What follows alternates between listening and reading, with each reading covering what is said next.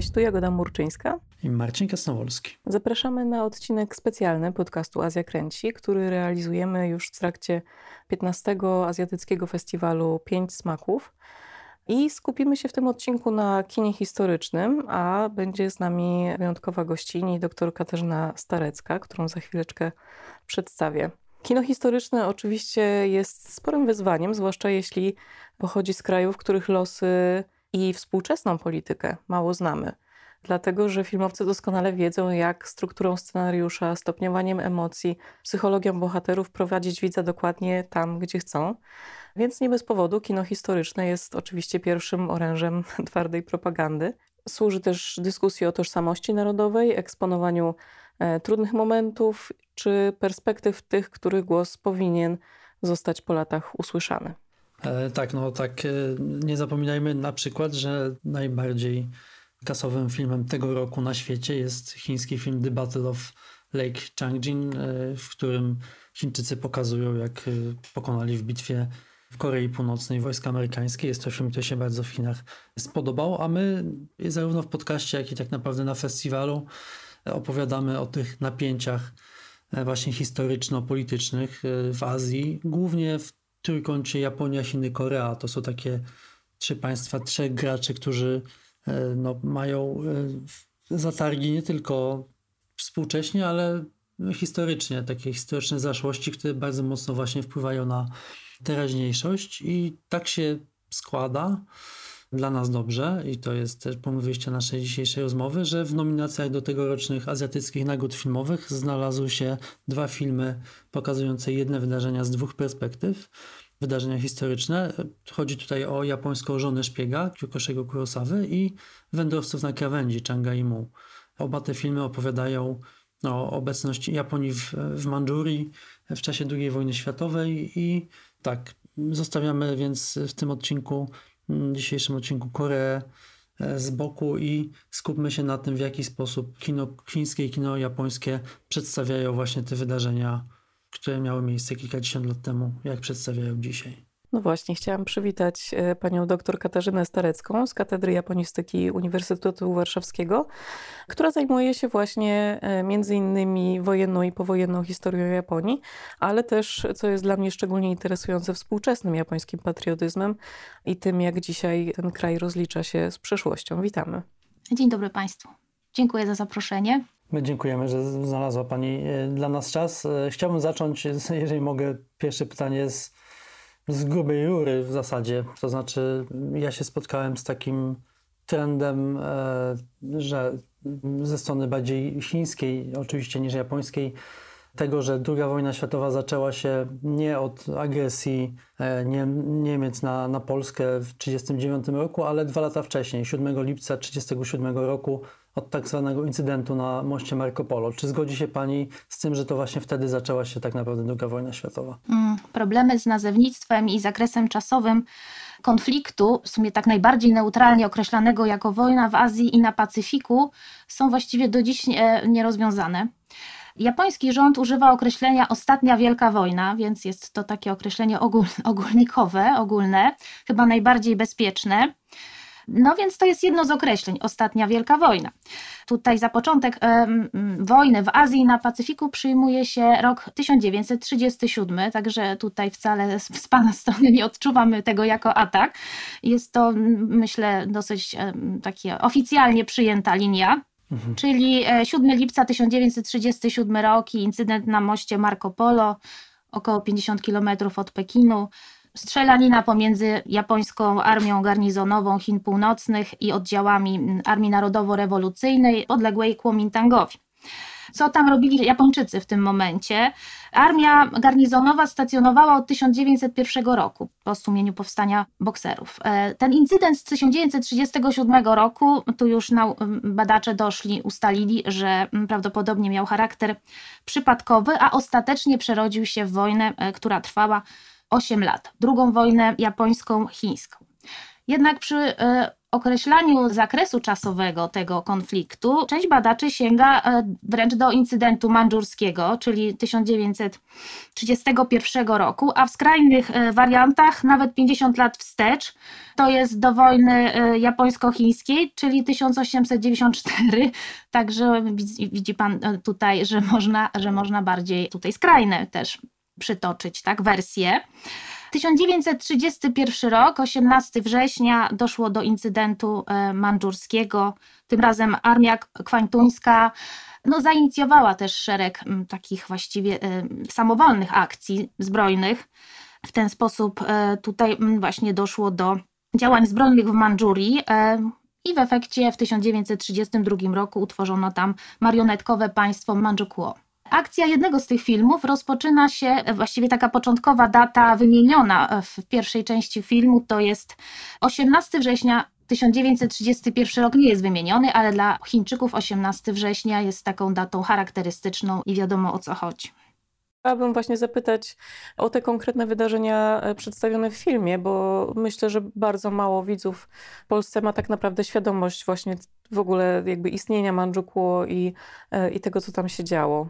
Nie chcę jakby rozbudowywać tej opowieści, bo ona oczywiście mo można by tutaj całą godzinę pewnie o tym e, rozmawiać, ale tak pokrótce w ogóle co tam się wydarzyło? Mm, takie właściwie podboje na kontynencie, w kontynentalnych Chinach i Mandżuria miały, miały na celu Tutaj też w opinii armii przede wszystkim była to jedyna droga, aby przezwyciężyć trudności wynikające w dużym stopniu z niedoboru surowców, z przeludnienia. I tak naprawdę tutaj armia postawiła władzę w Tokio przed e, właściwie faktami dokonanymi, bo Wspomnieliśmy o tych wydarzeniach w 1931 roku, ale w ślad za Mandżurią podporządkowywano kolejne autonomiczne państewka na terenie Mongolii, kolejne prowincje chińskie, także tutaj poszerzane stopniowo były wpływy e, na kontynencie, wpływy japońskie, a sprzyjało temu niewątpliwie zaabsorbowanie Chiang Kai-sheka walką z ruchem komunistycznym. I o tym znajdziemy odniesienia w, właśnie w filmie. Także tutaj 31 rok i wracamy do 37, czyli do, do działań zbrojnych na moście Marco Polo, które w nomenklaturze japońskiej w tym czasie no nie zasługiwały nawet na, na miano wojny, regularnej wojny. Na, nazywano te działania e, incydentem i do, dopiero po wybuchu wojny na Pacyfiku, czyli w grudniu 1941 roku, rząd Japonii oficjalnie uznał ten konflikt z Chinami za element wojny Wielkiej Azji Wschodniej. No i właśnie kolejna nazwa, kolejna propozycja nazewnictwa, która też do dzisiaj budzi e, wiele, e, wiele emocji. Wielka Azja Wschodnia, tutaj e, mamy taki właśnie taki wydźwięk, prawda, ekspansji japońskiej. W opinii Japończyków w tamtym okresie odnosiło się do walki, wspólnej walki Wielkiej Azji Wschodniej, a więc zarówno tutaj e, Azji Wschodniej i Południowo-Wschodniej, także tych krajów skolonizowanych przez mocarstwa zachodnie i chodziło o no, wyzwolenie spod jarzma zachodniego e, kolonizatora. To określenie wojna Wielkiej Azji Wschodniej zostało zakazane przez władze okupacyjne, przez amerykańskie władze okupacyjne w grudniu 1945 roku w to miejsce zaproponowano określenie wojna na Pacyfiku, ale w tym momencie no zupełnie pomijany jest ten wątek chiński, prawda? Czyli rzeczywiście, jeżeli chcemy się cofnąć co najmniej do 1937 roku, to to określenie wojna w Azji i na Pacyfiku w jakiś sposób spełnia e, te, te wymogi. Natomiast no, no do dzisiaj właściwie myślę, że jeszcze, jeszcze będą trwały dyskusje. Ze strony chińskiej tutaj określenia się innego używa. Ja tu przedstawiłam właściwie tutaj wersję japońską, prawda? Strona chińska używa określenia ośmioletnia wojna oporu wobec Japonii to jest właśnie 37, 1945. Właściwie e, do niedawna określenia takiego używano, natomiast od 2017 roku jest e, tutaj takie zalecenie, zalecenie może słabo powiedziane, zalecenie chińskiego Ministerstwa Edukacji, aby przyjąć termin 14-letnia wojna oporu, a więc od 31 roku. I tutaj chciałabym jeszcze przytoczyć e, tutaj propozycję strony japońskiej ponieważ w rzeczywistości już w połowie lat 50. E, japońscy intelektualiści, między innymi uznany badacz kultury Surumi Siunsuke, użył określenia wojna piętnastoletnia, a więc poszedł jeszcze dalej niż tutaj strona chińska. Ten konflikt tak naprawdę trwał, mm, jak dobrze policzymy, 13 lat, 11 miesięcy, więc około 14. Strona japońska zaokrągliła do 15, więc, więc w sumie nie jest to właściwie nowym określeniem. Terminu e, wojna piętnastoletnia używał e, japoński nauczyciel historii przez wiele dekad walczący z japońską, e, jakby z cenzurą Ministerstwa Edukacji Jenaga Saburo. Więc to, to określenie wojna piętnastoletnia jest, jest Japończykom znane, aczkolwiek budzi duży sprzeciw ze strony środowisk prawicowych, bo w Japonii oczywiście jest taki, można powiedzieć, wewnętrzny konflikt i to trzeba podkreślić, że, że Japonia nie jest monolitem i z różną oceną e, tych wydarzeń możemy się spotkać. Idealnie wyszła Pani jakby do mojego następnego pytania, bo chciałem zapytać, jak Japończycy generalnie patrzą na tą wojnę chińsko-japońską. Wiemy, że tam dochodziło do absolutnie potwornych okrucieństw i na przykład Rzeź w Nankinie była jednym z największych w ogóle masakr w, w historii XX wieku. Czy Japończycy mają poczucie winy, czy mieli taką, nie wiem, potrzebę jakoś odkupienia tych win? Jak to wygląda? Czy rozliczyli te zbrodnie? No, bardzo trudne pytanie, bardzo gorący temat. E, nie wiem od czego zacząć. E, jeśli, jeśli zacznę od masakry nankińskiej, i tutaj znowu mamy problemy z terminologią, prawda? Bo określenie masakra jest, jest też takim tutaj podkreśleniem skali tego wydarzenia. W Japonii spotykaliśmy się z określeniem incydent e, nankiński. To oczywiście to określenie, to znaczy przy takim określeniu najczęściej ta liczba ofiar jest jakby redukowana w największym stopniu, tak? Do, do powiedzmy 20-30 tysięcy. A wiemy, że szacunki są, są różne, e, więc gwałt nankiński, masakra nankińska i tutaj pojawia się liczba 200 tysięcy, co najmniej 200 tysięcy ofiar. Taką liczbę ustalono podczas Międzynarodowego Trybunału Wojskowego dla Dalekiego Wschodu, który odbył się w latach 46-48, zorganizowany przez państwa alianckie, ale przede wszystkim przez Stany Zjednoczone. To jest liczba ponad 200 tysięcy, natomiast e, strona chińska i przede wszystkim proces, który odbył się w Nankinie i później e, mamy też muzeum w Nankinie, które powstało w 1985 roku. Tutaj e, jednak e, określa, szacuje liczbę ofiar na ponad 300 tysięcy i więcej. Są różne opinie na temat e, dowodów, które zostały przedłożone w tej sprawie. E, są podważane niektóre dowody. Mm, właściwie to jest taka walka właśnie japońsko-chińska, zarzucanie e, sobie nawzajem no właśnie, zbrodni, a z drugiej strony fabrykowania dowodów. Rzeczywiście nie wszystkie dowody mają taką twardą podstawę, no a to daje oczywiście argument, argument do Japończykom do, do obrony. Faktem jest, że no, Zbrodnia nankińska została w bardzo dużym stopniu nagłośniona podczas Trybunału Tokijskiego. Było istniało wtedy zapotrzebowanie na znalezienie takiej analogii zbrodni ludobójstwa pomiędzy e, Auschwitz e, i właśnie tym, co, co, co się działo w Japonii. E, tylko trudno było udowodnić w tym czasie Japończykom takie celowe działanie, założenie, prawda? Bo tutaj już wspomniałam o samowoli ze strony armii i, i tutaj również można bardziej mówić w tym wypadku o samowoli, która doprowadziła do ogromnej tragedii właśnie pomiędzy e, od połowy grudnia 1937 roku przez około 6 tygodni dosz, doszło do, do właśnie dramatycznych wydarzeń. To właściwie brakuje słów, żeby, żeby to rzeczywiście oddać. Strona japońska e, tutaj zwraca uwagę, że no, wynikało to między innymi z tego, że część żołnierzy chińskich porzuciła mundury, wmieszała się w ludność cywilną i chodziło o to, żeby tych żołnierzy wyłapać. Ostatnio, ostatnio no, różne czynniki są wskazywane, na, e, aby, aby tutaj mm, w jakiś sposób no nie tyle usprawiedliwić, ile po prostu przyjrzeć się czynnikom, które doprowadziły do tej tragedii. I wskazuje się również na, na stosowaną, na braki aprowizacyjne, czyli właściwie brak przygotowania armii japońskiej do, do prowadzenia działań na, na, taką skalę. One też prowadziły w ten sposób, że żołnierze no, musieli sobie we własnym zakresie organizować te aprowizacje, a to no, prowadziło do, do właśnie skrajnych, e, skrajnych wydarzeń. Jeśli chodzi o Nankin, no naprawdę dużo można by było mówić, ale e, podczas Trybunału Tokijskiego było to bardzo nagłośnione, natomiast przez kolejne lata w mniejszym stopniu, co nie znaczy, że informacje na ten temat nie pojawiały się w japońskich podręcznikach do historii. Tutaj zarzuca się Japończykom e, wybielanie historii i pomijanie tych faktów pierwszych podręcznikach informacje na ten temat widniały i pojawiały się określenia takie jak gwałt nankiński, to mówimy o podręcznikach gimnazjalnych. No, podręczniki licealne nie, nie, stanowią tutaj takiego problemu. W japońskich podręcznikach do historii na poziomie liceum wiele informacji się znajduje. Te spory o podręczniki dotyczą głównie gimnazjum. E, to, że w drugiej połowie lat 40. takie informacje się pojawiały, no też można, e, można powiązać z Trybunałem Tokijskim, który się w tym czasie odbywał. E, no, zależało jednak władzom okupacyjnym na tych informacjach, żeby one się właśnie pojawiły, tak żeby można było tutaj wskazać na określone działania armii japońskiej i je przykładnie ukarać. Mm, też wskazywano w tym czasie przede wszystkim na na to, że to militaryści oszukali naród japoński, e, że naród japoński w całości nie jest winny.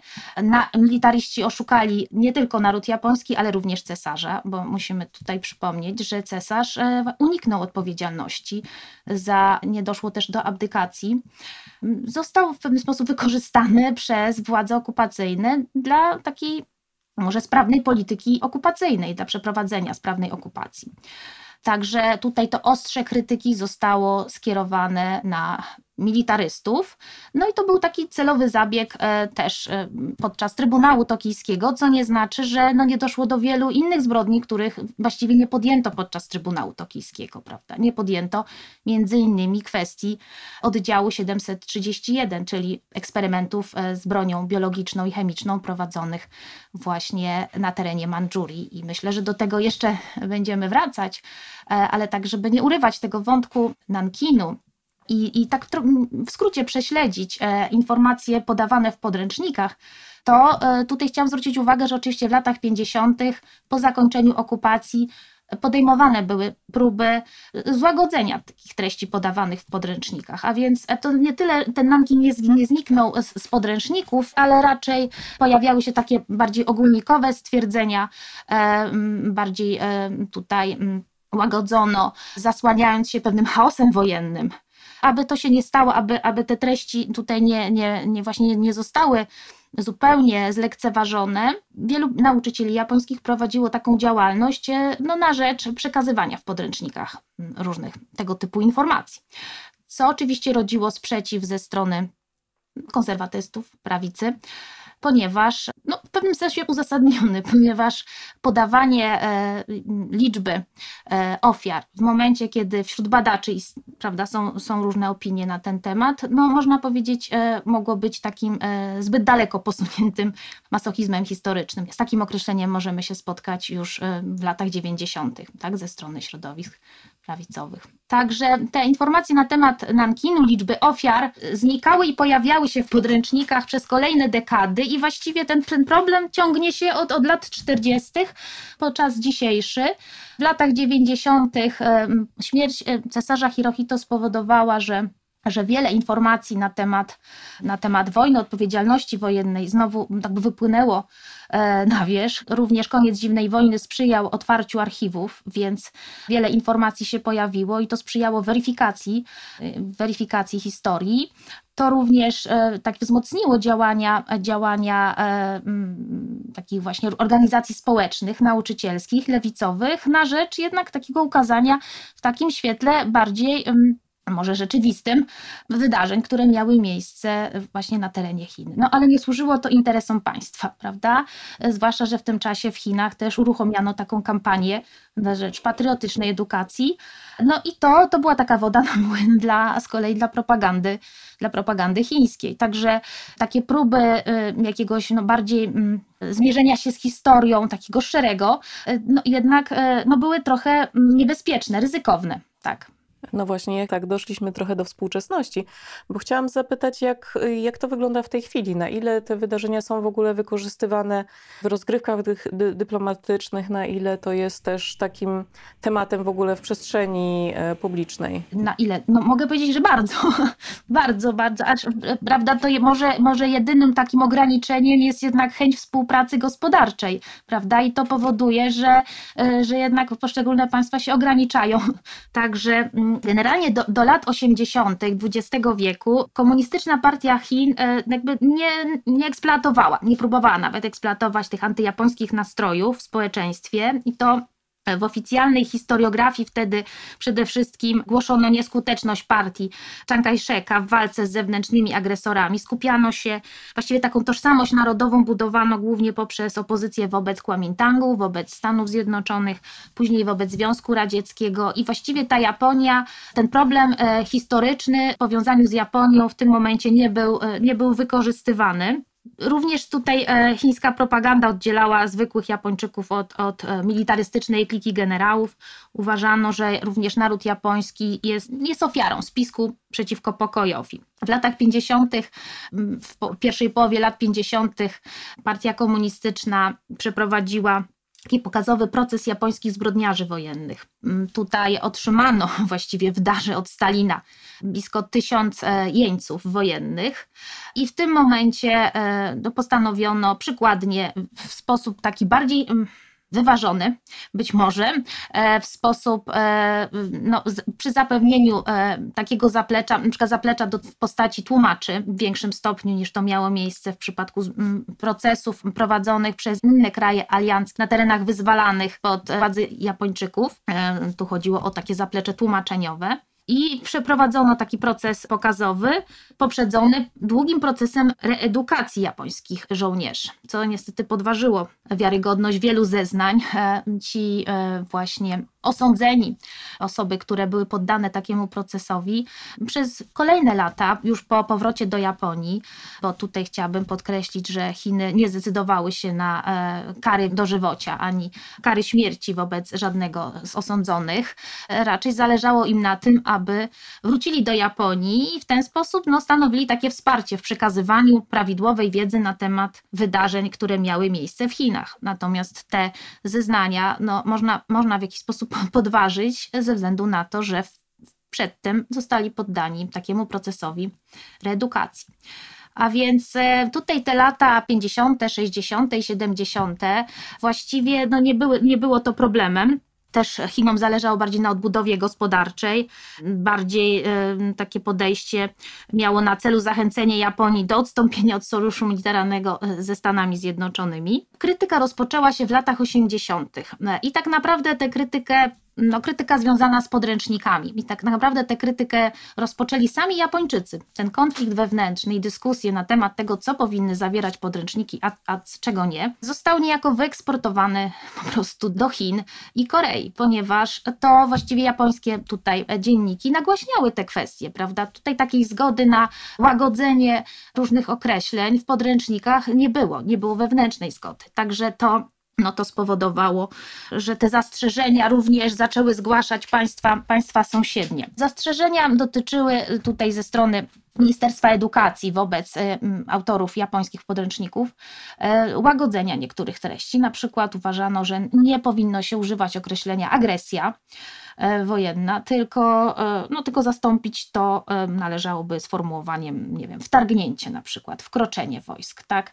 Oczywiście to jest walka na słowa, to są krótkie, musimy też pamiętać o tym, że tu chodzi o jakieś pojedyncze, krótkie akapity, zdawkowe informacje, które są podawane, prawda, w szkołach, w podręcznikach i to jest walka o takie drobne, czasami pojedyncze słowa, a jednak tak ważne i tak bardzo wpływające na temperaturę dyskusji. I w 1982 roku, aby, aby jednak łagodzić zagodzić ten konflikt, japoński rząd przyjął taką klauzulę stosunków dobrosąsiedzkich, takie kryterium zatwierdzania, zatwierdzania podręczników, które do dzisiaj obowiązuje.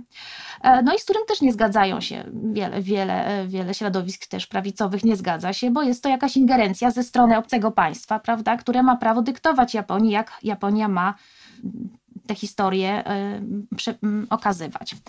Tutaj lata 80. Już wcześniej wspomniałam, w latach 90. koniec zimnej wojny, śmierć cesarza Hirohito i uruchomienie jakby nowych dyskusji, to jest też przemiany demokratyczne w Korei też powodują i w ogóle wzrost tutaj rozwój gospodarczy w tych krajach, tak? w Chińskiej Republice Ludowej, w Korei. Już mniej tutaj tym krajom zależy na wsparciu gospodarczym ze strony Japonii. Mogą sobie pozwolić na, no, na większym stopniu artykułowanie pewnych, e, pewnych żądań, no i też wykorzystanie w tej polityce wewnętrznej. Czasami chodzi o nie tylko o te kwestie relacji wzajemnych, ale, ale przede wszystkim o odwrócenie uwagi od problemów wewnętrznych tak, w danym kraju. Więc tutaj ta Japonia świetnie się do tego nadaje. Chciałam też zapytać o e, taki bardziej kulturowy wymiar tego, tego sporu, bo e, no my jako właśnie obserwatorzy przede wszystkim kina, ale też takiej kultury, popkultury, e, no docierają do nas jakieś pojedyncze takie incydenty i no wiemy na przykład jak Chiny najpierw z oporami bardzo pozwalało w ogóle na jakąś ekspansję japońskiej popkultury, potem trochę dopuściło, teraz znowu jest jakiś taki, mam, mamy wrażenie jakby są, są jakieś delikatne tematy, których e, nie można poruszać. E, całkiem niedawno mówiliśmy tutaj w podcaście o przypadku młodego celebryty, który sobie pojechał na wycieczkę do Japonii, wrzucał zdjęcia na social media, no i nieświadomie zrobił sobie zdjęcie właśnie na tle miejsca pamięci poświęconego właśnie żołnierzom e, walczącym w II wojnie światowej, no i no, został zniknięty z social mediów. Jakby nie, nie, absolutnie nie, no władze nie uznały tego za jakieś nieświadome działanie, tylko jakiś bardzo niekorzystny e, gest. E, Pytanie z kolei, jak wygląda to po stronie japońskiej, bo e, no, z tych nikłych kontaktów, jakie mam z Japończykami, to część e, właśnie na przykład bardzo nie lubi tego, że jest taki napływ chińskich turystów do Japonii, uważają ich za takie zło konieczne, bo być może teraz Japonia coraz bardziej potrzebuje jednak Chin jako takiej, takiego gospodarczego, właśnie w drugą stronę to się troszeczkę przechyla. No ale znam też właśnie e, lewicowych twórców czy reżyserów, którzy próbują jednak grzebać w tych tematach i odsłaniać i kwestionować tą prawdę, która jest przekazywana e, oficjalnie. Lewicowych w Japonii, tak? E. Tak, tak. Mhm. No tak, to, to dotyczy podręczników, ta kwestia, prawda, przekazywania pewnych treści dotyczy podręczników, a również, również produkcji filmowej. I tutaj, i tutaj i wspomniałam o żołnierzach, którzy byli e, reedukowani i, i wrócili do Japonii.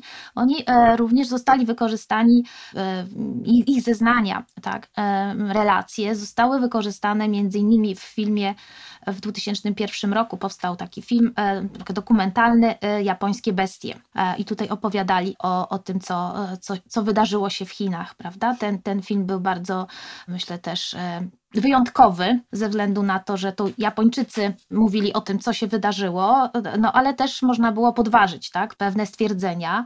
Również są takie produkcje związane tutaj z z Yomiuri, takie quasi dokumentalne, tak, które pokazują, tak, tak jest to taka próba próba e, dotarcia do, e, do sedna problemu i przekazania w sposób no, w miarę obiektywny wydarzeń. Wiadomo, że były to tragiczne, dramatyczne wydarzenia, więc siłą rzeczy jest to obraz e, no, negatywny, jeśli chodzi o Japonię. W Chinach również pojawiają się produkcje dotyczące właśnie między innymi Nankinu i początek tych produkcji to przede wszystkim lata 80., jeśli chodzi o Nankin, prawda? Już 85 rok i później chyba w, na początku XXI wieku, 2000 2007, 2009 rok, 2011. To są, to są te lata, w których powstały różne, różne filmy fabularne, e, właśnie poświęcone Nankinowi. Oczywiście to są filmy fabularne, więc, więc to, ale wcześniej też e, dokumentalne, także e, w produkcji z Hongkongu.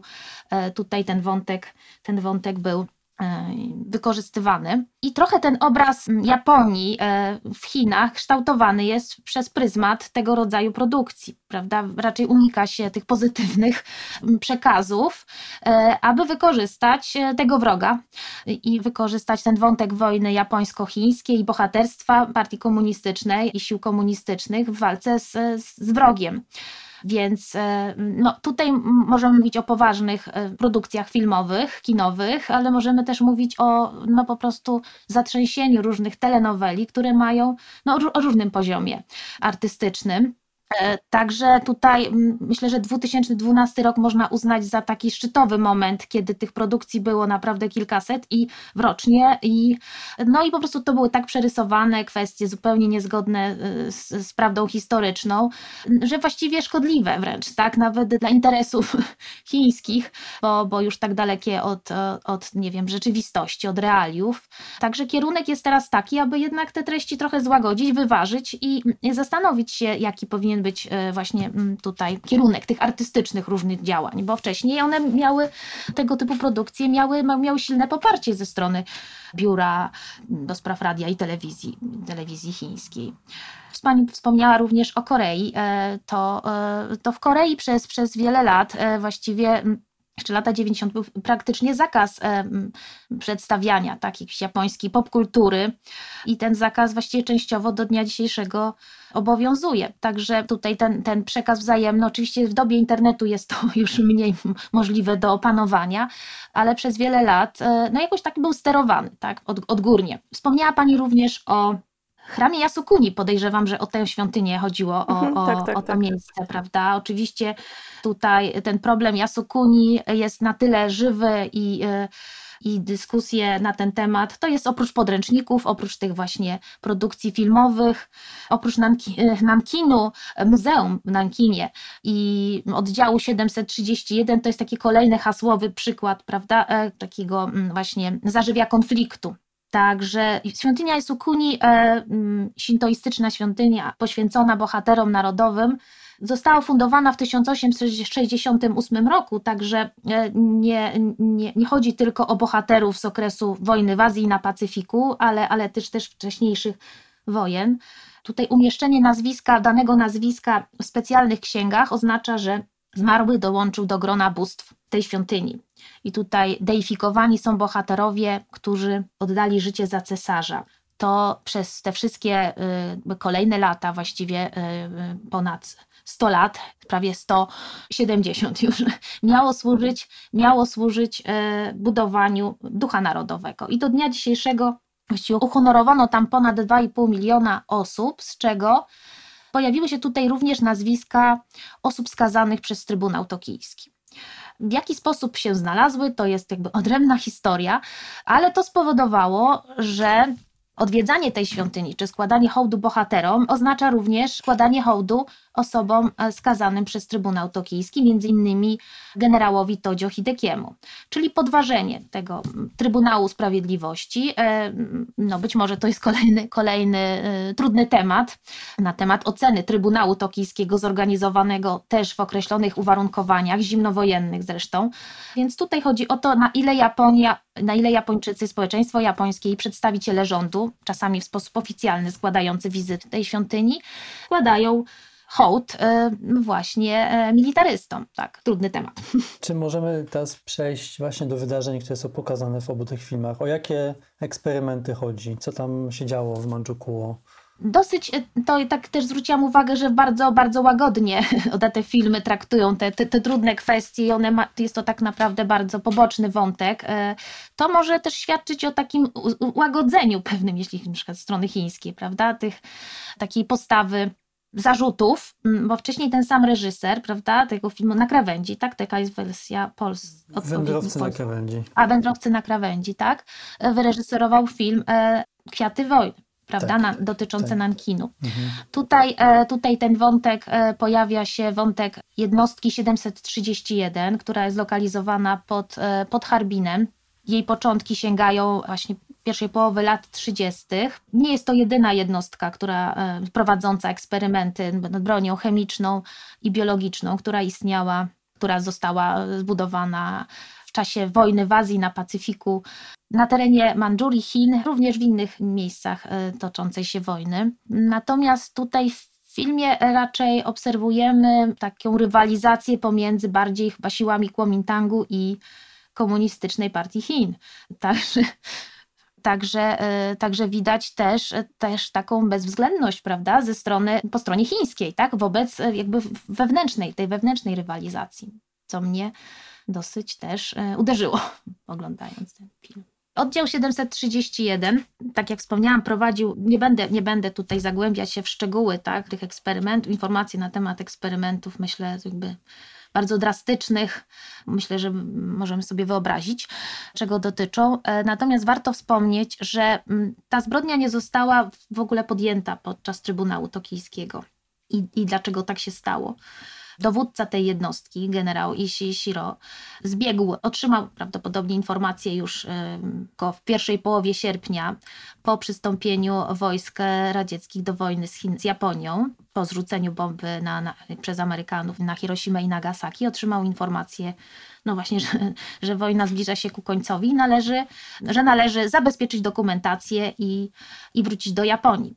I w związku z tym tutaj Częściowo również, znaczy to, to oczywiście częściowa dokumentacja, e, otrzymano też rozkazy zniszczenia wszystkich materiałów dowodowych. Tutaj w przypadku sądzenia Japonii i rozwiązywania tego sporu o historię znacznym problemem jest to, że Japończycy mieli czas przed wylądowaniem wojsk alianckich na zniszczenie dokumentacji.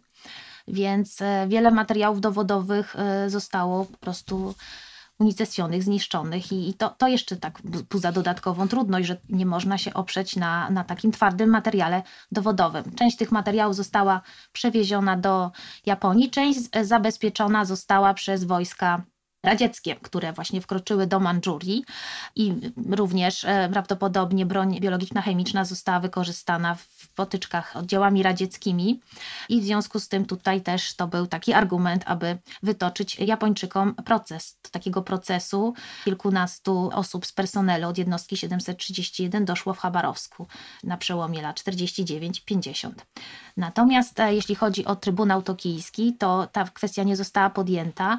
Amerykanom zależało na wynikach badań e, na wynikach tych eksperymentów. No i to w ten sposób e, pracownicy tej jednostki mogli zapewnić sobie no, taką nietykalność.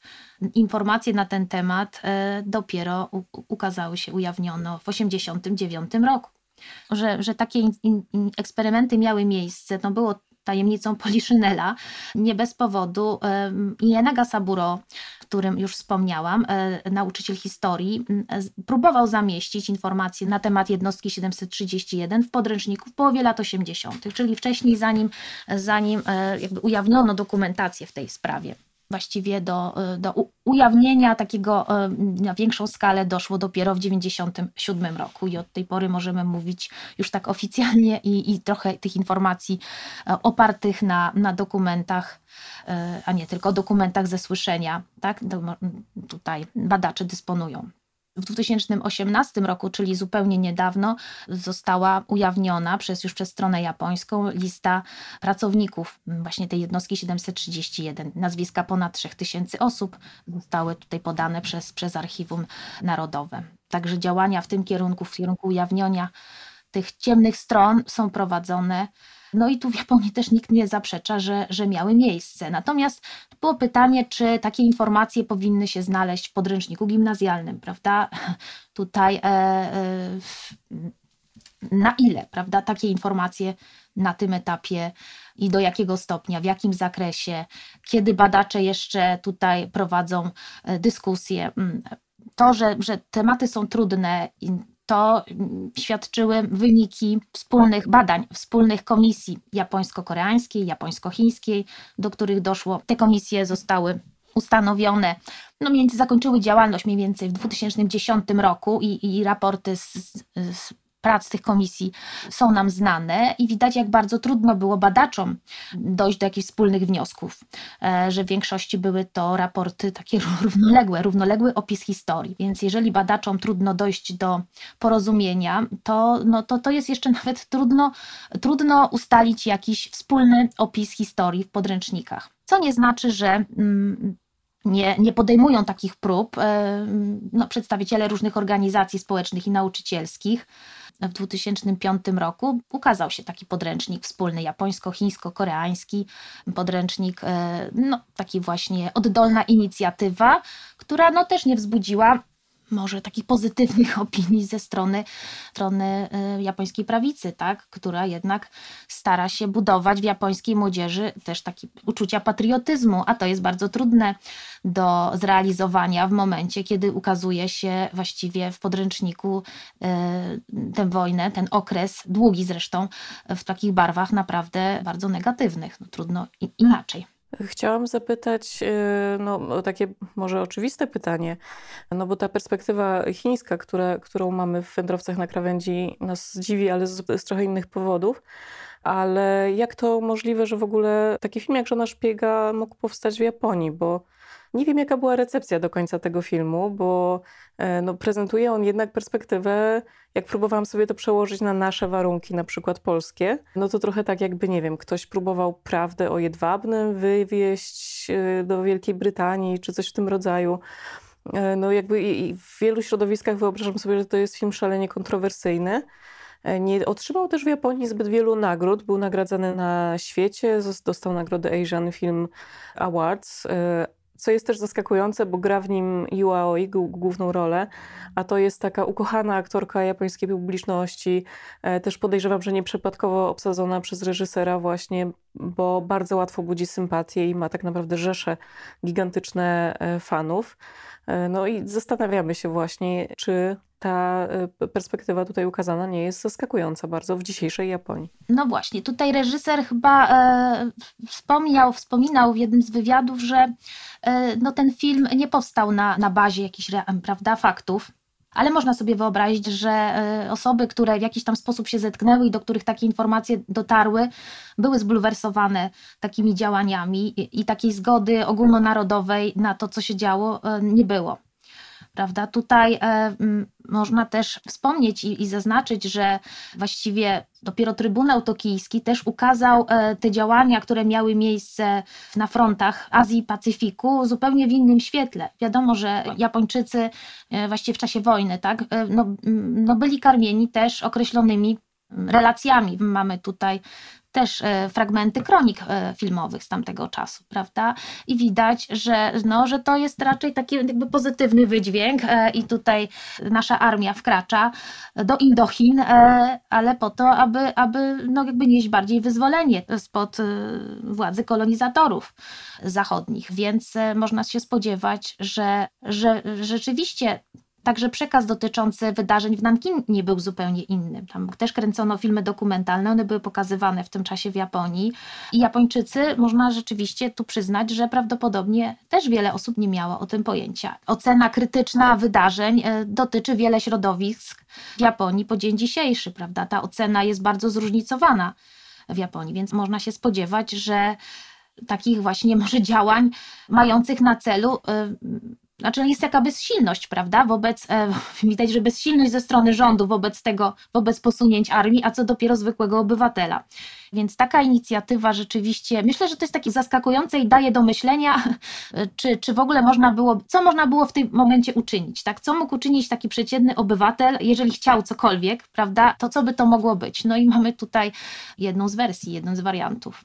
Czyli nie zaskakuje Pani film o tej wymowie we współczesnej Japonii? To, to nie jest nic. Y, nie, zaskakuje mnie hmm. oczywiście w ten sposób, bo tu jest mowa o pewnym zdradzie, prawda? A lojalność akurat e, tutaj w przypadku Japonii, e, walka o honor i, i, e, i to na pierwszym miejscu stała zawsze. Tak? Nie zaskakuje mnie to, że, że w społeczeństwie byłyby różne opinie, gdyby, prawda, gdyby Japończycy mieli wybór, ale tutaj w, w tym układzie takiej jednak właśnie lojalności, i szacunku dla hierarchii, prawda, bardzo trudno było się wyłamać pojedynczym obywatelom, a już nie mówię o tym, jak w wojsku było trudno, prawda, trudno byłoby nie wykonać rozkazu. Natomiast jeśli chodzi o to, co się wydarzało na frontach, to wiemy, że w wielu wypadkach też mieliśmy do czynienia z samowolą armii, ale też samowolą żołnierzy, więc y, czasami szli oni dalej niż rozkazy. Także no jest, no właśnie budzi film mieszane uczucia. Trudno to jakoś jednoznacznie e, podsumować. Odczuwam to jako taką, taką próbę jednak e, podjęcia jakichś działań i, i właśnie pokazanie, że no właśnie, że, że było to bardzo trudne, wyłamanie się z, z pewnego schematu i z systemu przede wszystkim nie czytając po japońsku, bardzo trudno mi było znaleźć jakieś komentarze dotyczące tego filmu przez dziennikarzy niezachodnich. Mhm. Tak, ja nie, nie, nie widziałam jakoś też, nie, nie, nie skupiłam się, tak chciałam, po prostu nawet do ostatniej chwili dopiero oglądałam to, bo, bo to trochę trwa, więc, więc byłam ciekawa właśnie jak to się zakończy. Trochę tak urwane to było w takim, jakbyś taki miałam niedosyt, tak widać było. Na przykład e, tutaj, jeśli chodzi o ten japoński film, to też warto zwrócić uwagę, na przykład ta wojna w, na Pacyfiku jest właściwie tak jakby też pominięta w, w, większym zakresie, natomiast jest odwołanie do nalotów dywanowych, nalotów bombowych w marcu 1945 roku. Nie zauważyłam, może, może przeoczyłam tutaj tej kwestii zwrócenia bomby atomowej przez Amerykanów, ale też nie było, chyba. Jeśli nie było, a tutaj mm, to był ten wątek mm, przekazania materiałów stronie amerykańskiej, no to to mnie też tutaj, e, e, no tu brakuje wielu, wielu, wielu kwestii. Moim zdaniem właśnie to ten obraz jest taki dziwny, trochę trzeba znać historię, żeby to, e, nie wiem czy ocenić, ale żeby się jakoś zastanowić nad tym, co autor chciał pokazać, a czego nie powiedział i dlaczego nie powiedział, żeby o tym pomyśleć. To, to właściwie trzeba najpierw wyjść od jakby pewnej wiedzy, żeby zauważyć, czego tam nie ma i dlaczego. Tak trochę, tak dziwnie, dziwnie, dziwnie to też potraktowane były pewne kwestie, prawda? No być może dlatego też, że ten film w ogóle miał e, pierwotnie powstać wyłącznie na potrzeby telewizji. I tak naprawdę dość zaskakujące było, że jakby zachodnie festiwale się nim tak mocno zainteresowały i on zrobił taką karierę jako film właśnie e, kinowy. E, I myślę, że on nie do końca był przeznaczony dla zachodniej publiczności, tylko właśnie prędzej dla Japończyków. Dlatego tam wiele rzeczy się też pojawia tak delikatnie, na przykład, nie wiem, kwestia ubioru europejskiego i japońskiego. Myślę, że dla wielu widzów to nie jest wcale takie oczywiste, dlaczego, dlaczego to jest w ogóle jakiś problem i o co tutaj chodzi. Tak, bo to tutaj jest e, rok 1938 i ustawa o powszechnej mobilizacji, też taka mobilizacja duchowa i hasła, e, że luksus jest wrogiem. Tak, w tym momencie to jest czas, w którym należy wszystkie, wszystkie środki i możliwości tutaj jakby przygotować się na, na, do takiego wysiłku wojennego. Więc ta rodzina tutaj przedstawiona w filmie może mogła budzić ze strony też innych e, mieszkańców miasta Kobe, no też takie jakieś wrogie może odczucia, tak? Jakieś taki, e, taką niechęć, tak?